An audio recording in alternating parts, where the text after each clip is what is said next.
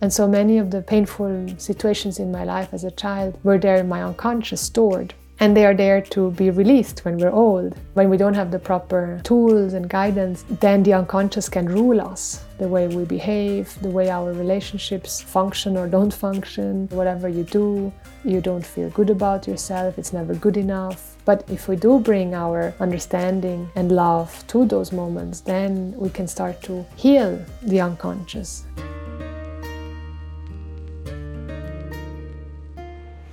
Jag heter Josefin Turesson Kämpe och i den här podden får du följa med mig när jag letar rätt på visdomen som gömmer sig bland oss. Mitt mål är att gå till botten med de där djupare frågorna som vi alla innerst inne bär på. Vad är meningen med livet? Vad är roten till våra samhällsproblem? Hur aktiverar vi vår fulla potential? Och hur blir vi lyckliga? Det här är Visdomsjakten och jag hoppas att den här podden ska ge dig inspiration till att leva ett medvetet liv, växa som person och hitta din grej. Vi gör den här resan tillsammans för en visare värld.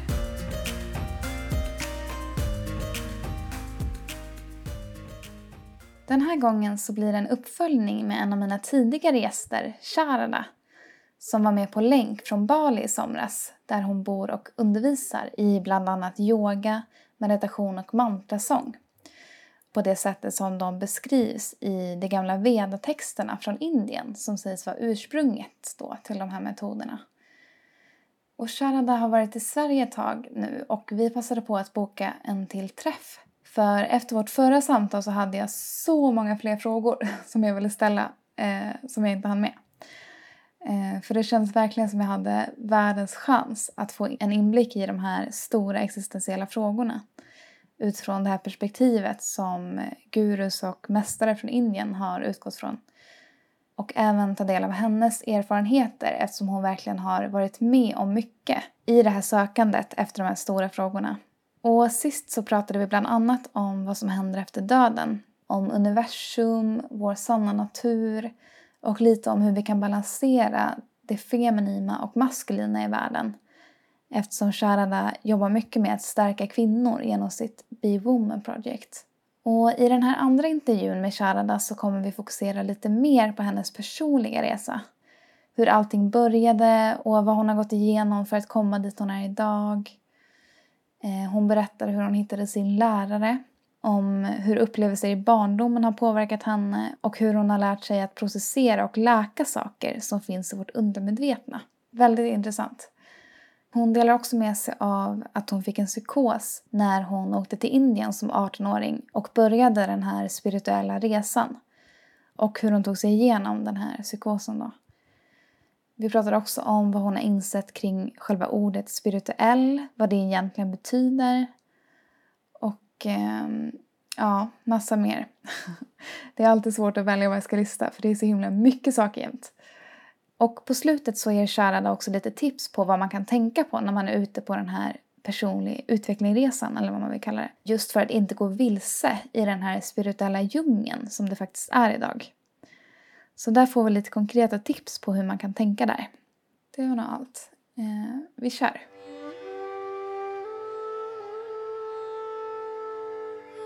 Hello. Hello, Josephine. How are you feeling? I'm feeling really great today. Yes. Great. Yeah. Mm. And it's really nice to do the interview like in person because mm. last time we talked we did it online and you were in Bali and I were in Sweden. Yeah. And now you're in Sweden. Yeah. With me. Yes. and you've been here for a while now.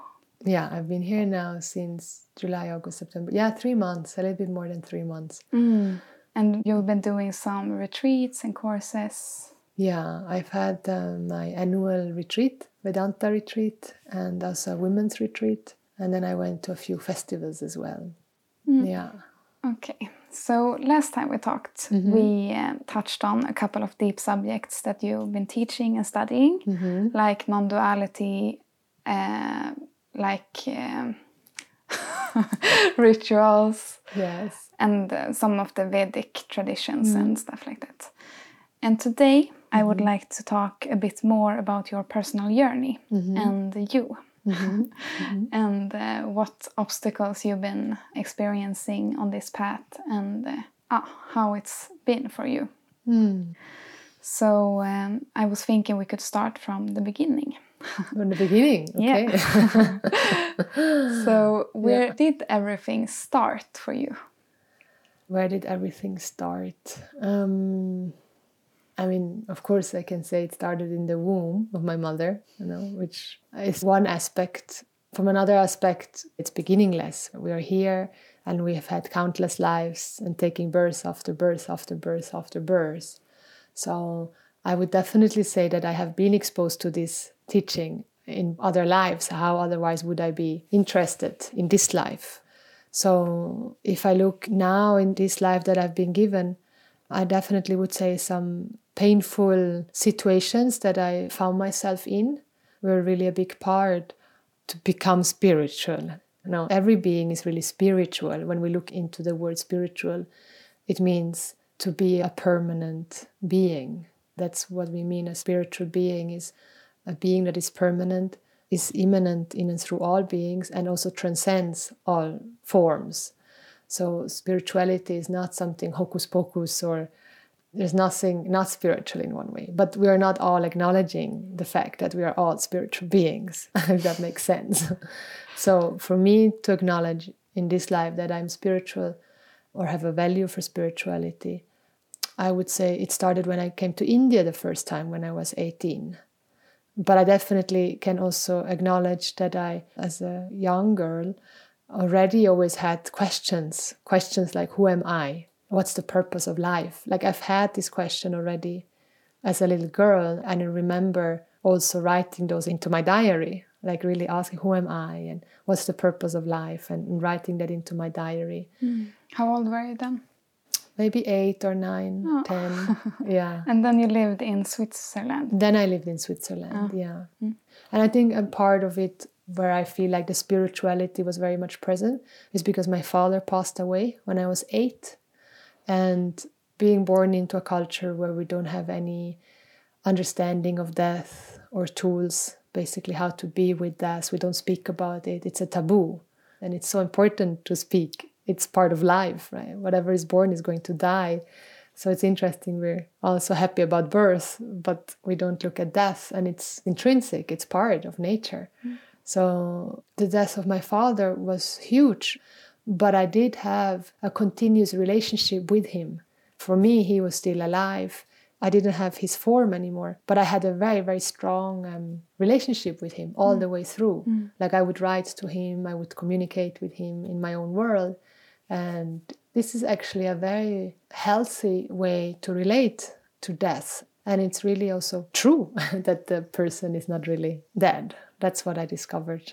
Mm. How did you feel when he passed away? It was just a shock. Ah. Like I remember that that was really a big moment where I became like a survivor. Survivor meaning okay now I'm I have to be strong. That is what really kicked in now mm. and I remember thinking I'm just gonna continue life as it was. But it changed everything. Like in my heart, something um, got deeply hurt. And then I was basically searching for him my whole life. Like searching for him in in the world, if it's through relationships, through traveling, through a career, mm. like whatever I've done was basically to to reconnect to him again. Mm. Yeah. Okay, yeah. but then that kicked in that you need to be strong. Yeah. Is that mm. something you need to work with to soften or Yeah. Uh, it took many years to soften. yes, yes, very much. I was a very strong survive like in survival mode, we call it. That means to be in fight flight situation, like not being ever at home in one's body.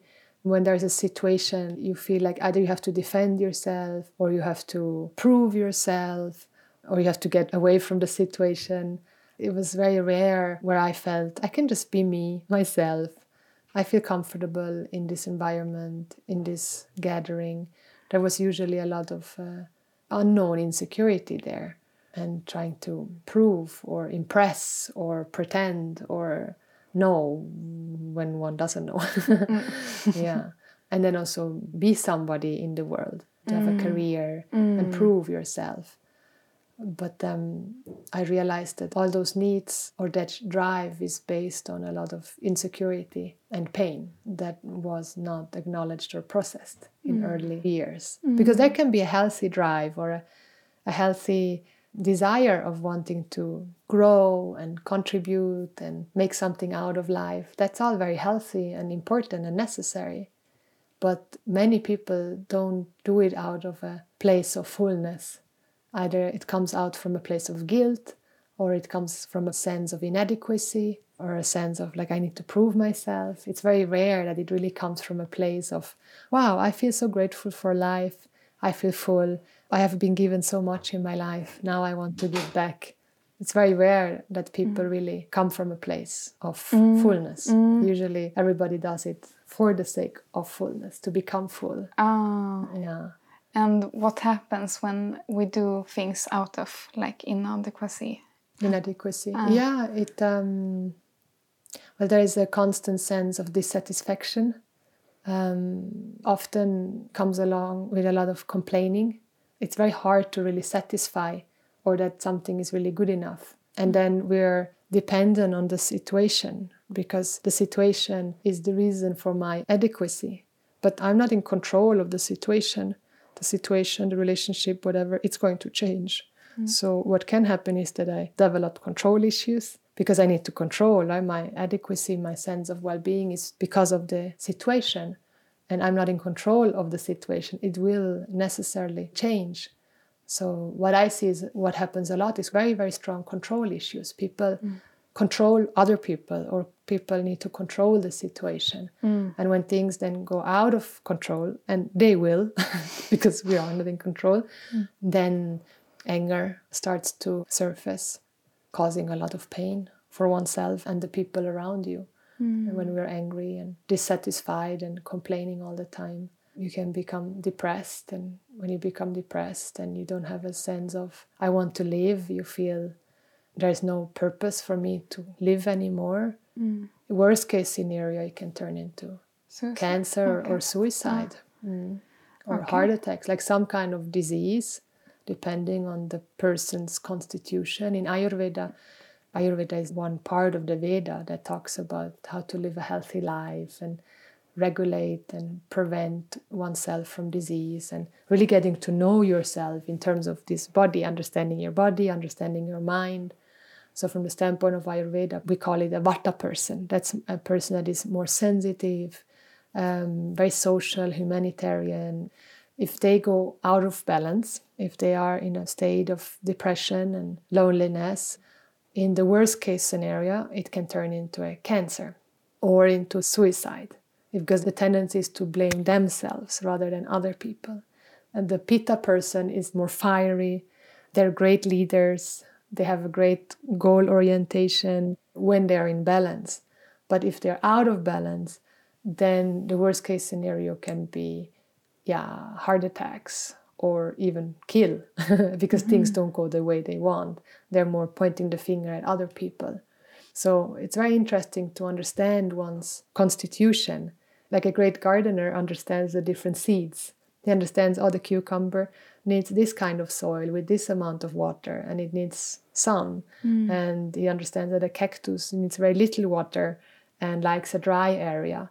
And so we are also looked upon as different seeds. Mm. And the body is the seed. Or? Yeah, the body and the mind. Okay, okay. And what, which are you? I'm more a Vata Pitta, Ah. which means more like sensitive and some fire is there as well. Okay. Mm. Yeah. So if we go back to you when you were young, mm-hmm. so you went to India when you were 18. Yeah. What made you go to India? Actually, a friend that I mm-hmm. met in Thailand. I was traveling in Thailand and I wanted to travel also to the Philippines and India and other countries. And I met her. She was quite a few years older than I was. And she told me about India, that it's the land of the saints and a land of possibilities and mystery. And she was fascinated by the land.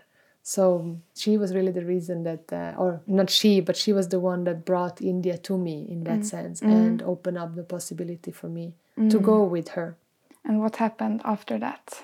What happened after that? Well, we went, I went, and we started to travel in India around.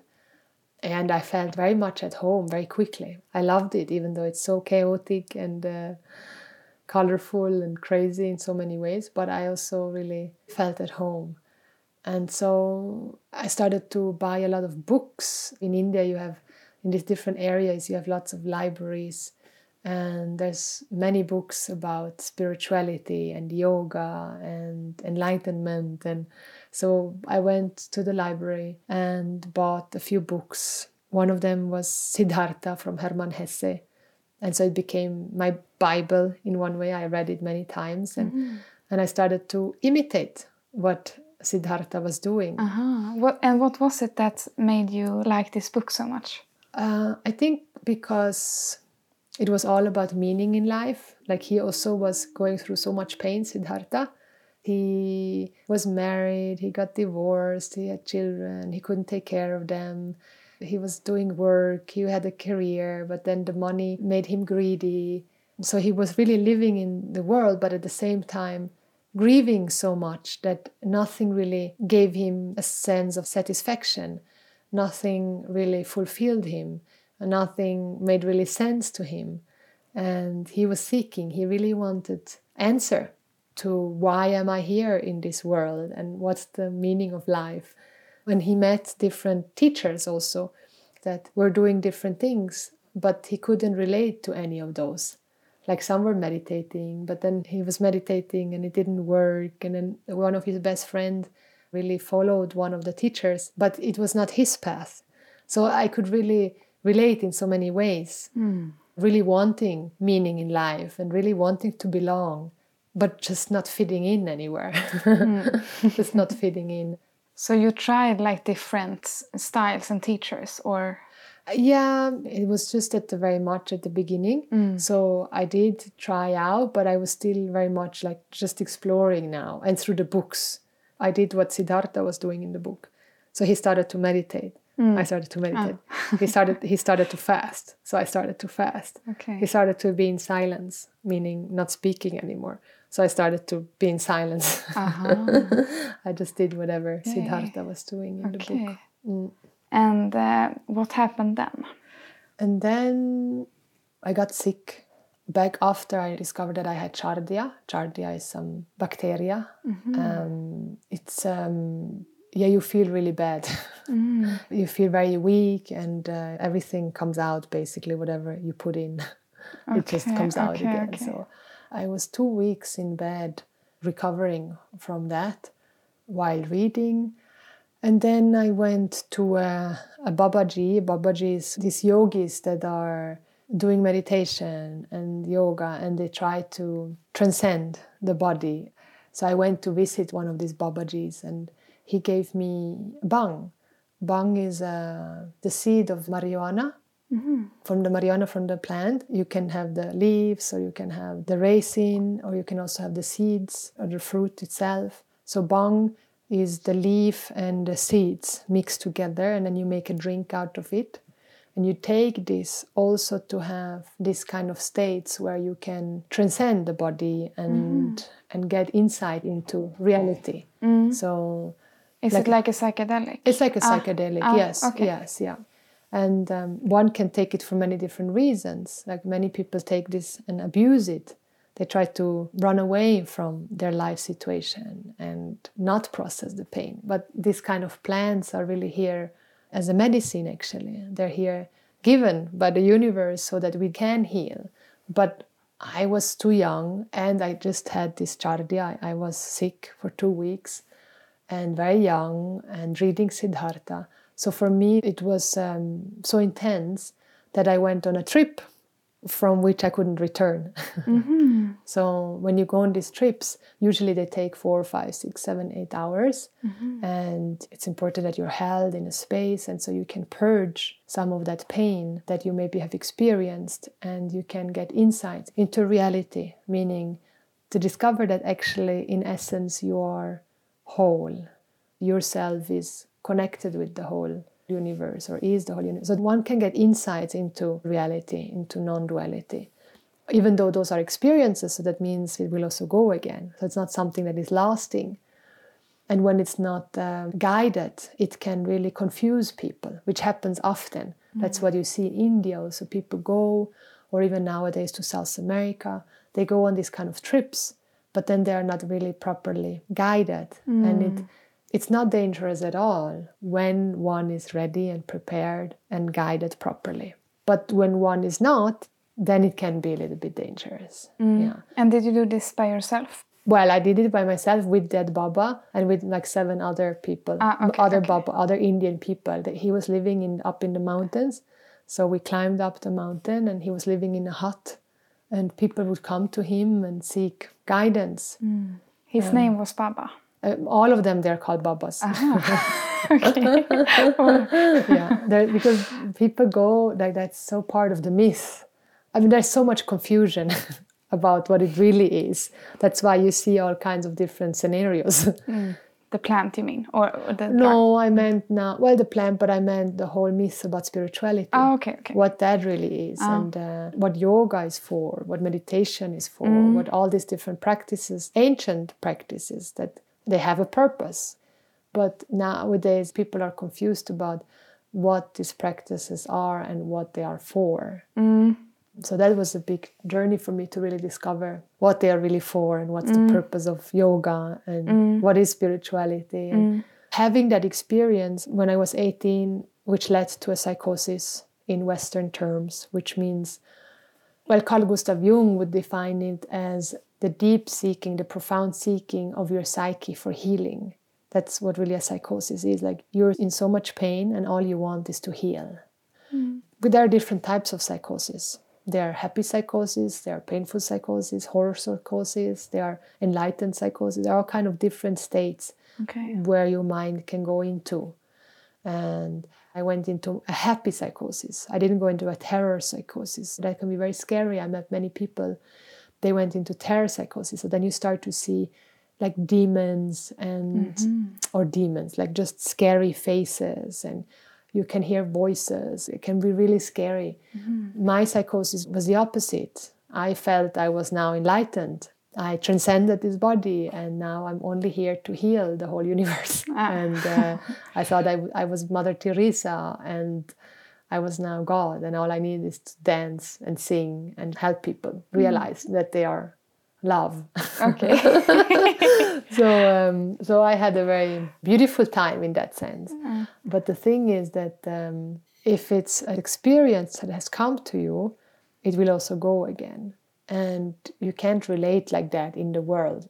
This is where then your psyche confuses metaphors and then takes metaphors to be literal. Mm-hmm. So all the stories that are there to be found in the Vedic literature, they're all metaphors my whole life is a metaphor. So when we read these stories, when we don't have proper guidance, then we can take them to be real.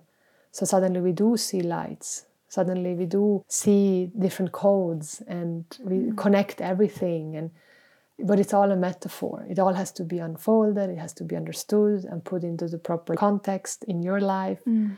I mean, I'm grateful that all of this happened because it led me to really find proper guidance. Mm. Why yeah. do you think that you went into the psychosis? Um, because of a lot of pain, like my father passing away. Um, first, they divorced when I was little. For a child, a divorce is something very, very traumatic. Mm. Like children, they don't understand why your parents would divorce. And a child never blames their mother and father, they always blame themselves. So if mom and dad fail, which they do because they are humans. Mm. the child would, up to a certain age, they never blame the father and mother because father and mother or caretaker are God for them. Child cannot afford God to fail because if God fails, my life is in danger. So God cannot fail from the standpoint of a child. Mm. So naturally, the gold blames whom? Themselves. And so, what's the blame? Oh, I'm not lovable. I'm not good enough. Mommy and daddy don't love me. That's why they left. That's the child's conclusion. And so different situations are deadly for a child. A child cannot handle certain circumstances. So then the unconscious comes. The unconscious comes to save the child and says, okay, you don't need to deal with this now. We're just going to take this mm. memory and put it very, very deep, deep, deep, deep, deep down into your unconscious. Mm. And you don't have to deal with that now. And you see that also with children sometimes that they are in deep pain and crying, and then suddenly they stop. It's like it's just too much. And the unconscious comes, takes the memory, and then they go back to playing. Mm-hmm. Right? Mm. So so that dynamic happens to all of us. It happened to me. And so many of the painful situations in my life as a child were there in my unconscious stored. And they are there to be released when we're old. When we don't have the proper tools and guidance, then the unconscious can rule us. So mm-hmm. basically, our unconscious rules us the rest of our life the way we behave, the way our relationships function or don't function. Mm. Like, if I'm not aware of my unconscious, my unconscious will rule me. And I'm not living out of my adult self, I'm living out of my unconscious self, the one that feels small and insignificant and unlovable and not good enough. And so, naturally, whatever you do, you don't feel good about yourself, it's never good enough, you hate yourself. And um, if we don't look at that, how do we cope with it? Well, drugs, sex, buying stuff, addiction, compulsive behavior, all mm. this destructive behavior is an effect of unresolved unconscious issues. Mm. But if we do process them, if we do bring our understanding and love to those moments, then we can start to heal the unconscious, let them come to the surface. And that's what then I did. I realized, wow, there is so much pain that I haven't processed because the psychosis really when we go into a psychosis like that it is because there is unprocessed pain.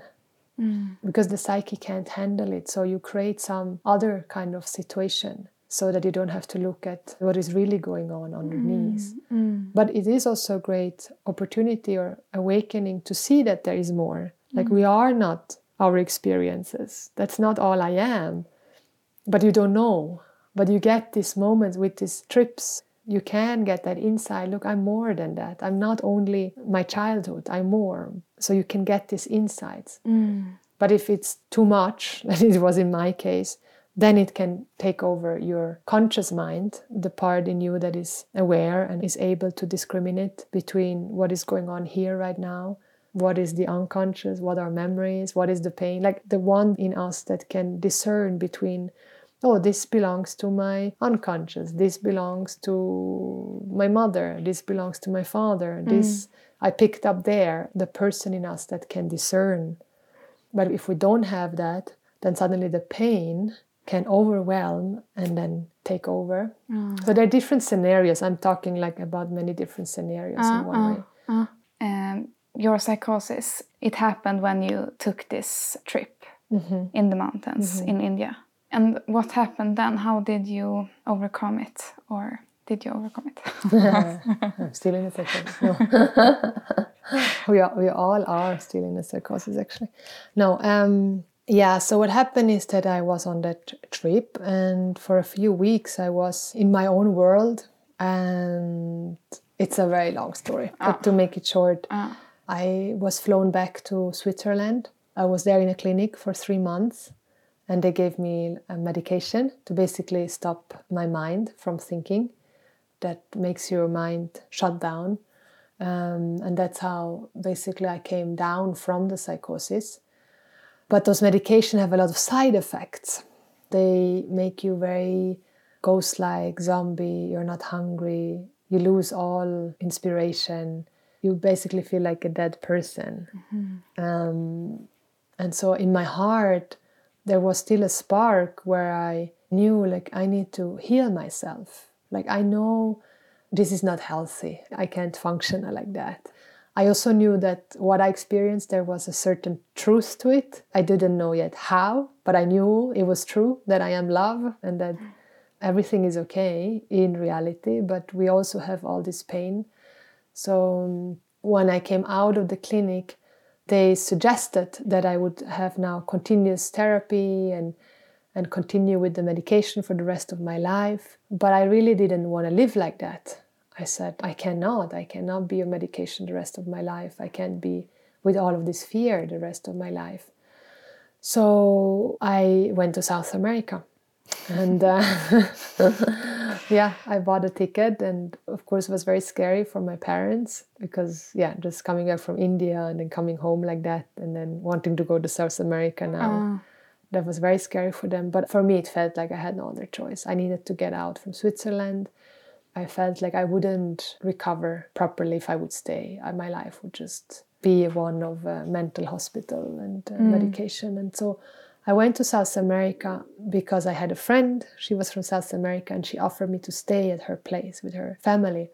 And I had no idea what I was going to do. I just knew I will go and then I'll see from there. And I started to do yoga. I found a yoga teacher and I spoke to the yoga teacher and asked him what is yoga really all about and I told him about my experience and he couldn't really he couldn't give me answers but I stayed I still did the yoga asana and the breathing exercises I met different shamans there and we did different rituals like um, sweat lodges and mm, I did all kind of these rituals I didn't take any other herbal medicine like ayahuasca I didn't because I knew that my psyche is so already fragile Mm. So I would just do things that are very grounding, mm. like the Temazcal. There's, right, what is that? That's the sweat lodge. Ah, okay. Like the fire, mm. it brings you into your body. Um, the yoga is very grounding, the breathing exercise very grounding. So I did all of that. I went for a lot of nature walks. And then I also started to work in a foundation. And that was really great because it uh, gave me a sense of, oh, I'm doing well, I'm reaching out, I help the kids on the street. And um, I lived for five years there, basically recovering. I left the medicine, stopped all the medication, mm. and I was really doing well. I had a, a, good routine there. And then after five years, I felt ready to go back to India. Like mm. all I wanted was to go back to India ah, okay. and find answers. Ah. I still had so much, so many questions. Like, what is all of this? And so after five years in Venezuela, I was stable enough, and I went back. And I went back to the place where it happened and uh, yeah it was it was amazing i came there and there was a guy and he immediately recognized me he's like mm. you are alive okay yeah yeah I said, Yes, I am alive. And he was very sweet. He helped me to find a guest house. And I told him I'm here to research and I want to know what happened. I need to know. And so I went to yoga teachers, but none of them could answer my questions really. Um, and so then I found temple dance. I was about to leave that place where it happened, and the night before, I went to a temple dance festival mm. and I saw that dance and I just cried. Wow, I thought this is the most beautiful dance I've ever seen in my life. It's a devotional dance. The dance is a prayer in itself. And the next day, I signed up for a one month intensive course, but the one month intensive course turned into a one year intensive course. So I stayed and, and just danced every single day. Mm. And it was a dream coming true for me. Oh. Because I always wanted to be a dancer and never oh, okay. had the opportunity. Okay. So then I came in touch with the mythology, the Hindu mythology. And that was very revealing. That's the first time I heard the word moksha. What this means freedom, freedom from okay. all types of suffering. Mm. That's really the culmination of life, it said. So I, I started to come closer, but still the teacher there couldn't also answer my questions that I had. So after India, I went to Bali. How old were you then?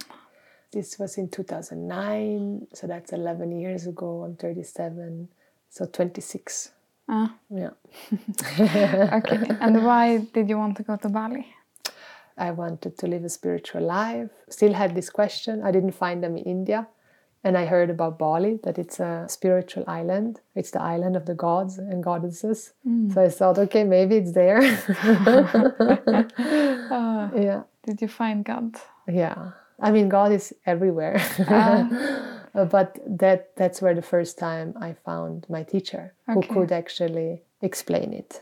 Mm-hmm. Yes. Explain what? Explain the purpose of life and okay. explain my experience that I had when I was 18, uh. like un- helping me understand what really happened, um, see it for what it is. He could explain what death is, what happens ah. after death. That must have been really interesting. Very interesting. Yeah.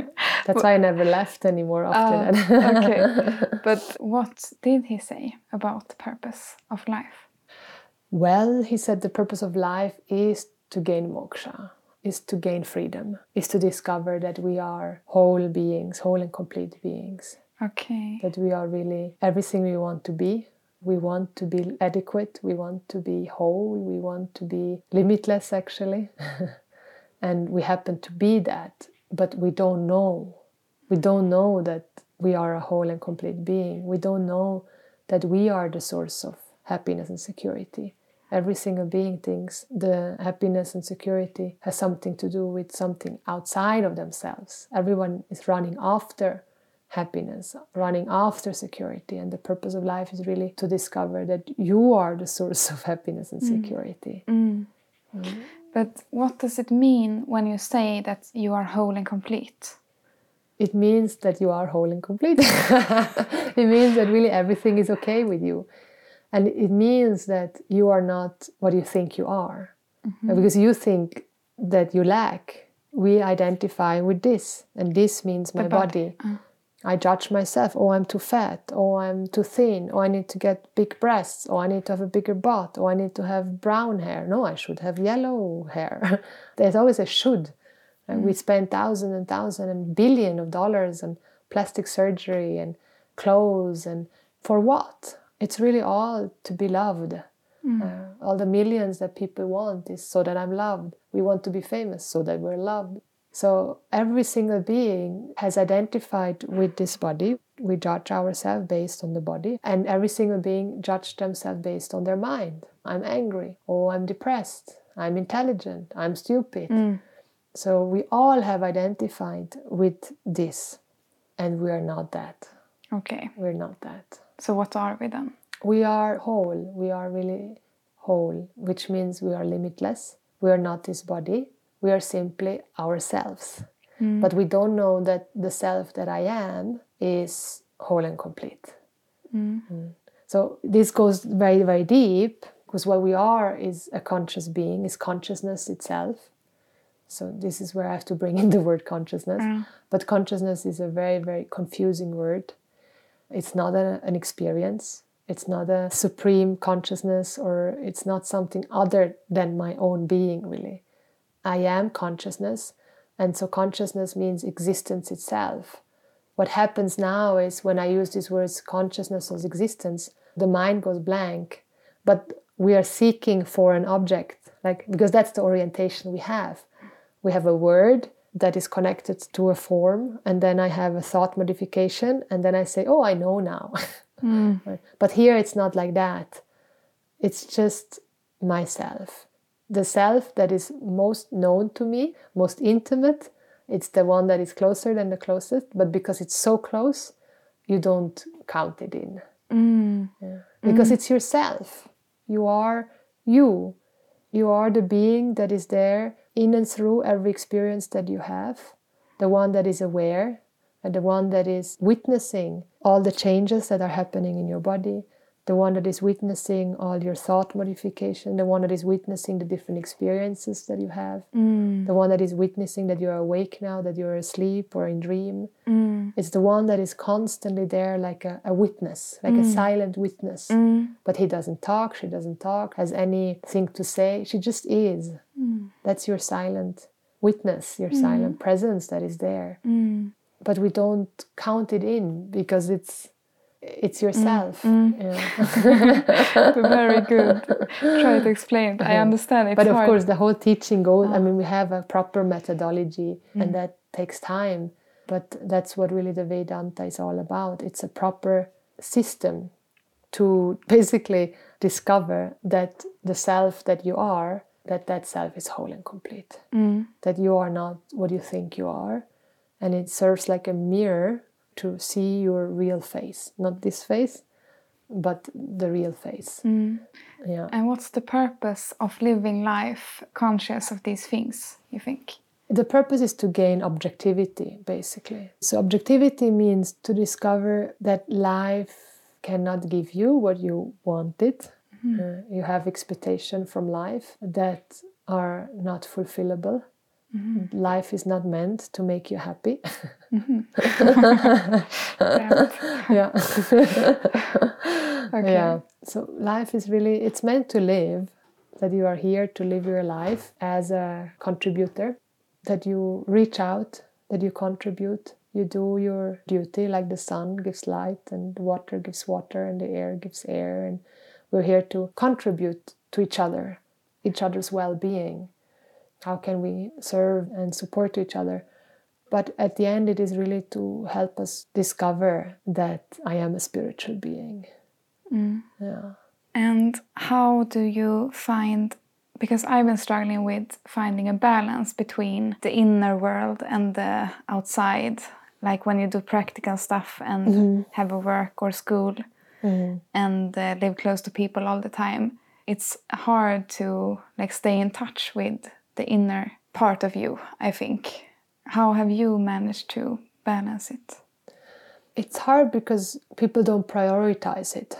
You have to prioritize your The- inner the world. oh, yeah, mm. yeah. It just has to become as important as going to work, as eating.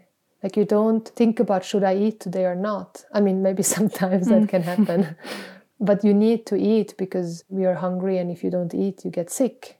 You don't think, am I going to take a shower? You're just going to take a shower as a daily cleaning of your body. You daily clean your teeth because you eat, and then there's something between your teeth, and you clean your teeth.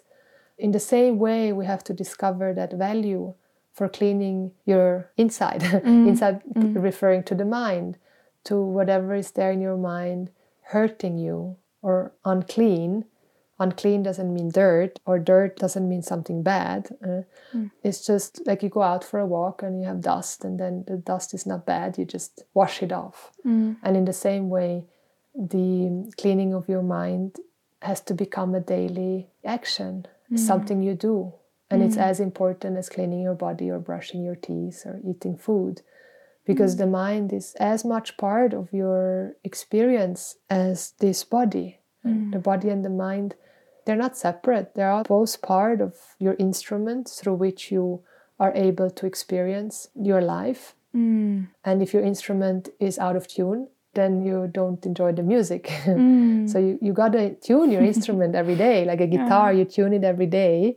And when it's in tune, you can really enjoy the music and the people around you also. Very nice. Right? But if it's out of tune, you are like, oh, and the people around you are like, oh. And it's the same with your body and with your mind. It's uh. really that's why Saraswati, she you see that woman or that being, she's Saraswati and she is referring to the goddess of knowledge. And she has a, a veena, an instrument. Mm. The instrument represents the body mind. Mm-hmm. So how I take care of an instrument, I clean it, I tune it every day. Mm. In the same way, I'm here to take care of this body mind instrument, and ah. clean it and tune it every single day. And it just becomes as important as brushing of the teeth or mm. cooking food. Mm. And when that instrument is in tune, then you can go out and do the rest. How do you clean it? How do you clean the inner mind or the ah. inner instrument? Ah, the inner instrument. Yeah, yeah. The outer instrument would be this body. Ah, Yeah. so you just wash it. Yeah, the outer instrument, you just wash it basically, right? You wash it, you do some asana maybe, some yoga practice, so because the body can get stiff and uh, hurting if you sit too long. You go for a walk. That's kind of cleaning the outer instrument. The inner instrument would be the mind. So that we clean through meditation. By meditation, I mean being with your mind, being with your thoughts. So many people think that meditation is to get rid of your thoughts. That's not the purpose. We're not interested in getting rid of the thoughts. We are interested in being with the thoughts and the hurts, helping like a friend. Like if somebody is in pain, you're not like, like mm. oh, how can I help? And so we want to bring in that attitude of how can I help when my mind is in pain. So mm. there are many, many meditations, and each meditation is there to address one part of the mind because mm-hmm. the mind is multifaceted. So in the mind, you have the unconscious. So you have meditations to be with your unconscious. Your mind has likes and dislikes. So there are meditations to be with your likes and dislikes or mm-hmm. desires. Mm. Your mind has um, values, certain values. Values that are helpful and values that are not helpful. So you have meditations to be with those values. You have meditations to help your mind become single pointed so that your mind has the ability to start focusing for a longer period of time on a certain topic. So we have meditation to help us find concentration so that mm. I can absorb into a certain topic and be fully present to mm. grasp what is said. Mm. So there are many, many meditations that address all the different parts of the mind because the mind is so wonderful and has so many skills, so mm. many facets to it. Mm. So that's really the inner cleanliness. So meditation. Meditation, um, chanting also is one of meditation. Oh. Chanting really helps your mind focus. Oh. And uh, what happens then when you meditate is that you're being with your thoughts. Yeah. And then you clean it. It's a way to clean. Like if your mind is not um, disturbing or hurting you, it's not a problem. Then you're happy with it. But mm. when the mind is hurting, and hurting means when you have painful thoughts, judgmental thoughts, you have desires that are very, very strong. And if you don't fulfill the desire, you can start to become angry. So mm. it's seeing that and also understanding the mind, understanding the ways of the mind. And then eventually the goal is really to become the master of the mind. Mm. Okay. And being the master of the mind means? Means that, so there are different aspects to it. One is that whatever you want, that um, you can have that or you need not have that because usually when we have a desire then the desire if it becomes a binding desire like a very strong desire then i need to have that so that i can be happy so my mind is used to want something then get it and mm. then become happy mm. that, that's that's the pattern that's like a muscle mm. that we've trained mm. and so now we need to we can untrain that muscle and basically that's why it's really healthy to not always get what we want oh because then I can discover that I can also be happy when I don't get what I want. Mm. For us, the success is when I can fulfill all my desires that I have. Mm. That's the Western definition of success. Mm. But the spiritual definition of success is that you can fulfill your desires, you need not. You don't need all your desires to be fulfilled in order to be a successful person. You are already in a success just because you are you just the very fact that you exist is a success in itself, is it not? Mm. wow, how did you come to be? Isn't that a, a wonder? And then you wake up in the morning, you walk, you brush your teeth. All of that are little successes. Mm. So we really have to redefine the word success. But in our Western culture, success is basically you have desires and you fulfill those desires, you're successful. Mm. But so we have to untrain our mind. That's not true. We are not in control. And there will be a time where the body is not going to function anymore. So, what then? So, we have to redefine so many of our definitions of what is success and life in itself. And so, it basically all happens in the mind because whatever I'm experiencing, I always experience it in my mind. Mm. I never experience it the outside world. Mm. I only experience my mind. And so if I just let my mind do whatever it wants, from out of nowhere I become sad. Just because that's the nature of the mind. You have an associative thinking. One thought leads to the next thought.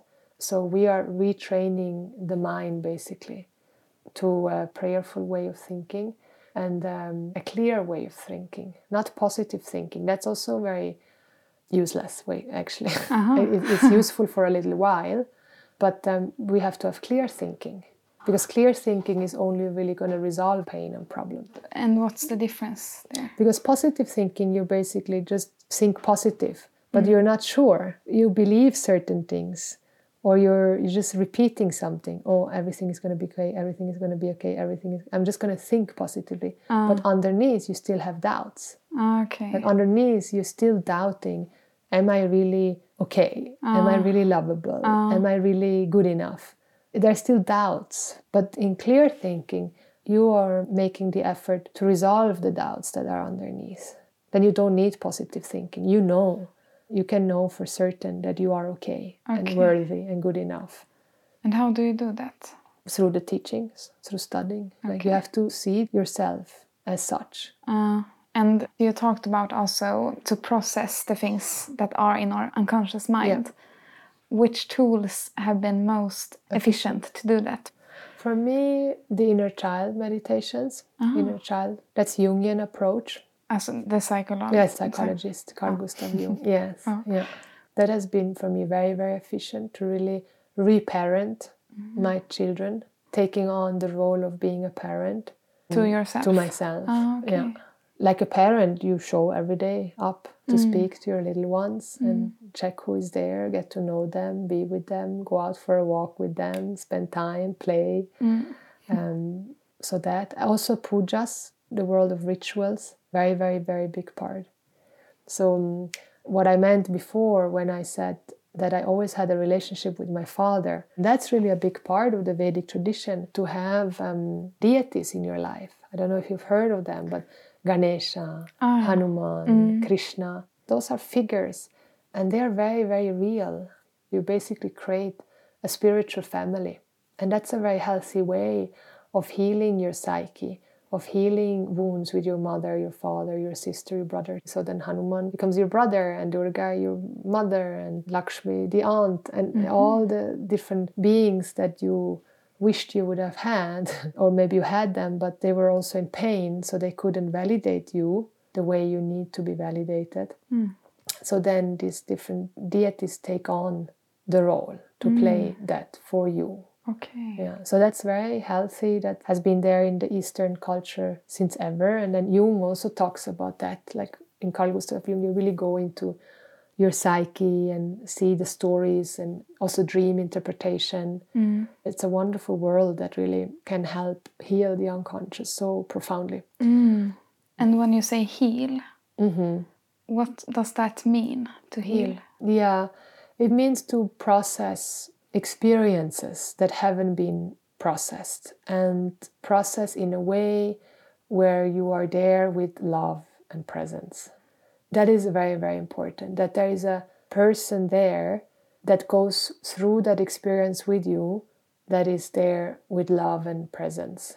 Mm. To be seen, to be validated in your pain. And so healing really meaning processing the pain, like processing that emotion. Mm, and practical, does it mean to like bring it up in yourself, the feeling or Yeah. the memory, Yeah. and stay with it? Or? Yeah. Stay with it, bring the feeling up. Yes. And the emotion, whatever wants to be expressed. The expression can be through tears, it can be through screaming, maybe laughing. There's so many ways of expressing. Mm. It's different for everyone. And so that's all on the from the part of the psyche. Because yourself doesn't have to be healed. You are already whole and complete. Oh. So the self is whole, it doesn't need to be healed, but it's really the part in you that has identified with the experience, and then you have made a judgment upon yourself based on the experience. Mm. And so now you know that I am whole. In essence, I don't have anything to do with the experience. So that gives me the freedom to welcome the experience mm. and then feel whatever is being invoked, but you don't make a judgment on yourself based on what you mm. experience. Mm. So you have objectivity there. It's like you're basically watching the movie. Right? When you're watching a movie, you're experiencing the whole movie and the feelings, but then after it's gone, mm. and the screen doesn't make a judgment upon itself. Oh, now I am wet. I'm angry. Like the ah. screen is just there as the screen ah. on which the movie is being reflected onto. And so I'm basically here, the screen right, on ah. which the movie is happening, which is in my mind. And I'm experiencing the whole movie, but the screen doesn't identify with the movie. Mm. But we human beings do. Oh, I am this, I am that. This has happened to me. So it means I must be like the child, like the child experiences mm. pain, sees the parent not picking them up on time. The parent maybe was in the car traffic. That's why they couldn't pick up the child. But the child interprets, Mom doesn't love me because she didn't come on time. Hmm. So, so many stories we have like that where we have interpreted a situation and then we make a judgment upon ourselves. Hmm. And that stays with us. And that stays with us in the rest of our life unless we address it. Hmm. Really Yeah. interesting. Okay.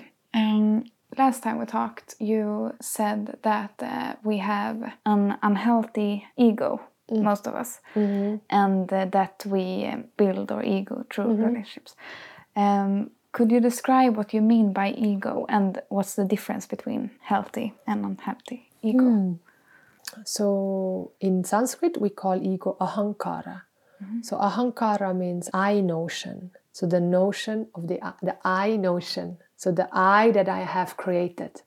So um, the ego is a created I. It's not the I, the self that I am, because I was not created. I just am me. So the ego is that which has been created. It has come into being and it comes into being when I meet another person, basically. So that's why we say the ego establishes itself through relationships, because then it's being mirrored. And when we are in a relationship, the ego takes on a role, it takes on a persona, like mother and daughter. That's the ego, ego mother, ego mm. daughter. Mm. Because when I relate to then my partner, the daughter in me is gone. And now I am what? A wife. Mm. Different uh, roles. different roles. Or then i'm relating to the neighbor. Now the wife or the daughter or the mother is gone. Now i'm a neighbor so the ego takes on different roles. It mm-hmm. plays different roles but we basically don't know that we're playing different role. We become that role. Oh. We are that role. And then all the problems of the role are my problems. And i carry them on my shoulder and it's so heavy and mm. it drags me down. And so we really got to understand that we're just playing a role. At the time being, when you're relating to this person, you're a mother. But then when this person is gone, the role is gone. Why do I still carry the role with me and the problems? I can just really drop it.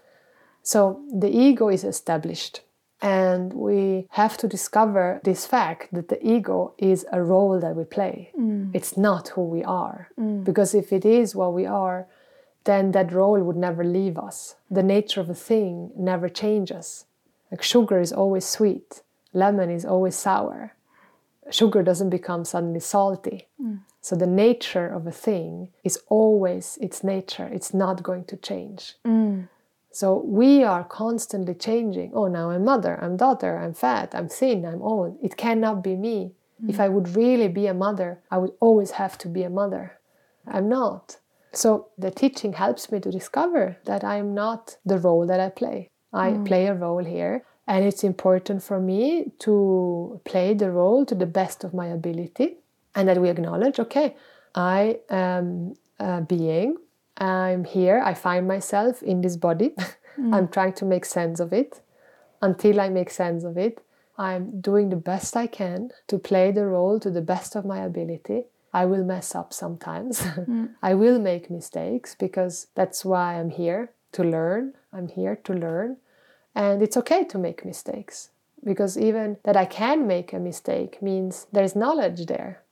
Like I cannot make a mistake without having a body, without having a mind. It means already there's knowledge there. And even that I can understand that it's a mistake means there is knowledge also. So there are no dumb mistakes.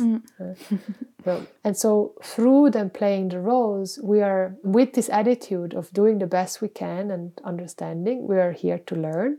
We all do the best we can. We're here to grow, and I give myself space to grow. There's no pressure. The pressure comes from outside mm. because people have their agendas and they feel inadequate, and that's why they have pressure. Mm. But I don't need to take it on. So I can grow and I give myself space, and I can also give other people that space and freedom. And then that gives me a healthy ego. Like a healthy ego is that I feel proud of myself. I know I do the best I can. I'm here to learn. There is a patience there. Like a, a functional mother, a functional father will champion their child and say, Yeah, my dear child, you're here to learn. And it stands up, it falls, it stands up, it falls, it stands up, mm. it falls. You're just like, Yay, so good, so good, so good. And you know eventually it will learn. Mm. And you don't beat it down because it falls over again and again. You're just championing it until one day it will walk. Mm. And so, in the same way, our ego, so it needs to be healthy. We have to have a healthy ego. And then, unhealthy ego becomes destructive. And then we judge ourselves. And then, when we don't feel good about ourselves, we are creating problems for other people. And so, an unhealthy ego leads to a society we basically have now, Ah. where nobody feels good about themselves. Everybody feels empty and tries to fill that hole with food and money and clothes. And you just never fill the hole because you feel useless, you feel worthless, because that's what we've been told. You're good for nothing, you're not worthy. It's like a cancer that we have in this society. And we need to grab the cancer by its root. If we just decorate it with Mm. lots of fur and it looks good for a while, but you're not going to change how the people feels about themselves. Mm. How do you take it up by the root? So really being ready to acknowledge that we basically don't know. Like Okay. really acknowledging that I I don't have all the information and I've made judgments upon myself without proper inquiry and I'm ready to learn. I'm hmm. ready to become a student, a student of life. Of life. I'm ready to ask guidance, have a teacher, mm. and um, mm. unlearn mm. and relearn what I learned about myself and process the pain. Processing the pain is also so important. We can't bypass the heart. You cannot understand reality and bypass the heart. And bypassing the heart means bypassing your mother issue, your father issue, your brother issue, your sister issue, mm. all the places where I blame people mm. for my misery. That means there's some pain there. And so I need to look at that pain and take time to process the pain. And mm. that's how I go to the root. And the root cause is then through knowledge, through really seeing things clearly as they are. And that means you got to see yourself as a whole and complete being. Mm. But if you listen to this teaching, definitely you will see that it's true that you're whole and complete. Mm. but the old experiences are still there. Like when you go out for a walk with your friend and suddenly your friend falls over and she's like hitting her head, has a big wound on her head, bleeding. And then you're like, What happened? And she said, Well, I saw a snake. There's a snake. And you're like, No, but I didn't see any snake. No, there was a snake. And you're like, Okay, come, let's go and look. And then you show her, Look, there's nothing but a rope. So now she saw there's a rope, but she still is bleeding. Like mm. she's still in pain. Mm. And so that's the same here. You're going to gain knowledge, but you still have the experience of an open wound. Most of us, if we've grown up in a society like our society, mm. right, where we haven't had healthy initiation rites, people that mm. champion you, say you're worthy, you're whole and mm. complete. Mm. So the wounds are still there. So ah. that's what I mean. You can't bypass the heart. Ah. You've had the experience in, as a child, and you can't just bypass them. You have to go and then clean the wound and stitch. Give maybe some headache pills. and then you can start to, okay, now it was really only a rope. Mm. Oh my God. That's life, basically. Mm. You're waking up like, wow, I've lived life with all this drama, and but everything is okay, really, with me. I am mm. okay. It did not hurt me or touch me in any way. No matter what happens in life, it does not hurt you in any way. You are unhurtable. yeah, you are unhurtable. Okay, so it's like realizing that the thing that happened, it's not there anymore, but it still has left a track. Yeah. But seeing the snake becomes a rope, it's like, okay, it wasn't that bad, or It's not that it wasn't that bad. You discovered that it never hurt you. okay, okay. Mm. That, that's a huge discovery. but it did hurt me in my psyche, yeah, in the psyche. but not in my uh, being. being. Ah, Exactly. okay, mm, Yeah. Nice. Yeah. Okay, so I was thinking that if you could give any advice for people who are seeking like wisdom and spirituality and meaning, what traps to look out for, and what did you wish that you knew when you began this journey? Hmm, that's a good question. So, a trap is if they promise you some special experience. I would watch out for that. Yeah, some promises like, oh, you're going to feel blissful. And if you're on a trip, like you have to experience certain things and then everything is going to be fine. That's really a trap to watch out for. Also, if there's some kind of agendas for you to be different than what you are, those can be trap really looking into the background of the teacher and the situation like what's their background it's like when you want to learn tennis you go to a tennis teacher and you look at their background with whom have they studied in the same way if you're seeking you also you look like okay what is this person and what was their background what is their teacher and how many years have they studied and Mm. yeah those are like very important Because it's like a spiritual jungle, I it's think, like a today. spiritual jungle yeah definitely So much information and Yeah. paths to choose. yeah Okay, so research Mm. a bit and uh, watch out for promises. yeah And how do you avoid psychosis? um first of all i want to say psychosis is not bad in per se Ah, right? okay. it can be profound awakening but it doesn't have to come to the degree of a psychosis for one to wake up it can be gentle Mm. so you want to find balance first the basics like good food enough sleep go out for walks and then have some time for studies some time for meditation um, company people who have a value for growth like not isolating yourself completely like really meet with other people who are also in that process. Always talk with your teacher like really take on the guidance of your teacher or mentor um, if needed find a psychologist or a therapist. So to really balance it out so it doesn't become to one extreme. Like extreme is relative like it can seem extreme and it's not extreme. Um, so finding a good balance and taking really care of your basic needs like food clothes shelter let all of that be there and then finding a proper teacher basically. Okay, do you need a teacher? yeah Uh-huh. Okay, yes but it can be in any, like, you found one in India who was a monk yeah and into this Veda teachings. But uh, do you also think it can be other ways, other paths, like Buddhism or? yes definitely can be others but it depends what you want mm.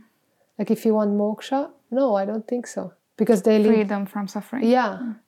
Like we have to clearly understand what's the problem and what's the solution. Mm. For example, if you have another path, let's say another healing modality, they can give you healing like Qigong, Tai Chi, craniosacral therapy, mm. sound healing.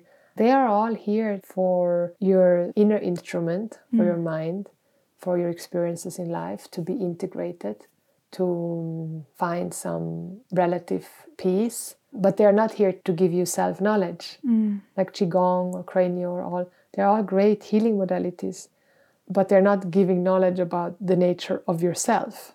They're focusing on the experience that you have. They're focusing on your body. They help you to integrate your body. Mm. They're helping you to integrate your inner child or your unconscious. They're mm. helping you to integrate your desires.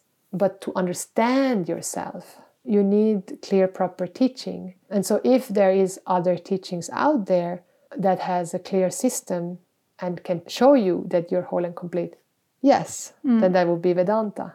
So you can go and, and tell me. I haven't found it. Okay. I haven't found like uh, other teachings that has been so clear and with that sole purpose of unfolding reality. Mm. And the teaching we talk about is Vedanta. Yeah, which means self knowledge. So anything that is self knowledge is Vedanta. And so that can sometimes bring us on a trip. So if there are other teachings out there that teach you that you are the source of happiness and security and whole and complete, then that would be Vedanta. Mm. Okay. So we haven't found other teachings that say that you are whole and complete Okay. and that have the methodology to show that to you. Mm. But you need a balance between theory and like experiencing the things you learn, right? It's just not someone says something to you and you just buy it. Yeah, definitely. Like I say, one needs to do all the preparatory work. Mm. Like you can't bypass the mind mm. or the heart. So, yes, you need to integrate your life experiences and find the balance. Uh, so, find the balance of taking care of your body, taking care of your food, taking care of your health, taking care of your mind. And then the part that is taking care of what you, the self, that would be Vedanta. Mm. To seize your hunger, you have to eat food.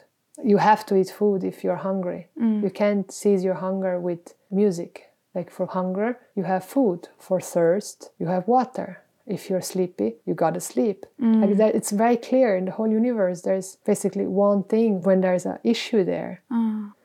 So, in that sense, it's the same. Here, we have, yes, taken care of all these different aspects. Here, I want to know the self. So, I need to have appropriate means of knowledge to know the self. I can't use my my toes to know the self. So, that's what I mean. like to understand the self Mm, I see. you got to have Vedanta. And Vedanta means self knowledge. So, whatever teaching is there that teaches you the nature of yourself, that would be Vedanta. Ah, Yeah. Good to have that explained Yeah. because I thought it was like a theory. Yeah, it's not at all. Okay, Yeah. okay.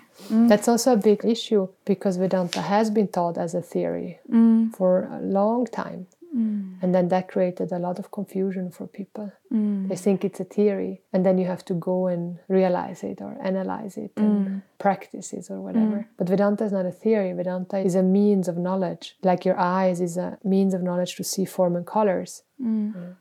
Mm. And one last thing spirituality. What's the definition of spirituality that you found? So spirituality is to discover that yourself is permanent. Mm. To discover that yourself is permanent and that yourself is the self of this whole creation. That there's only one self, one being manifesting as everything that we know and don't know. Okay, I am really satisfied with this talk. Good.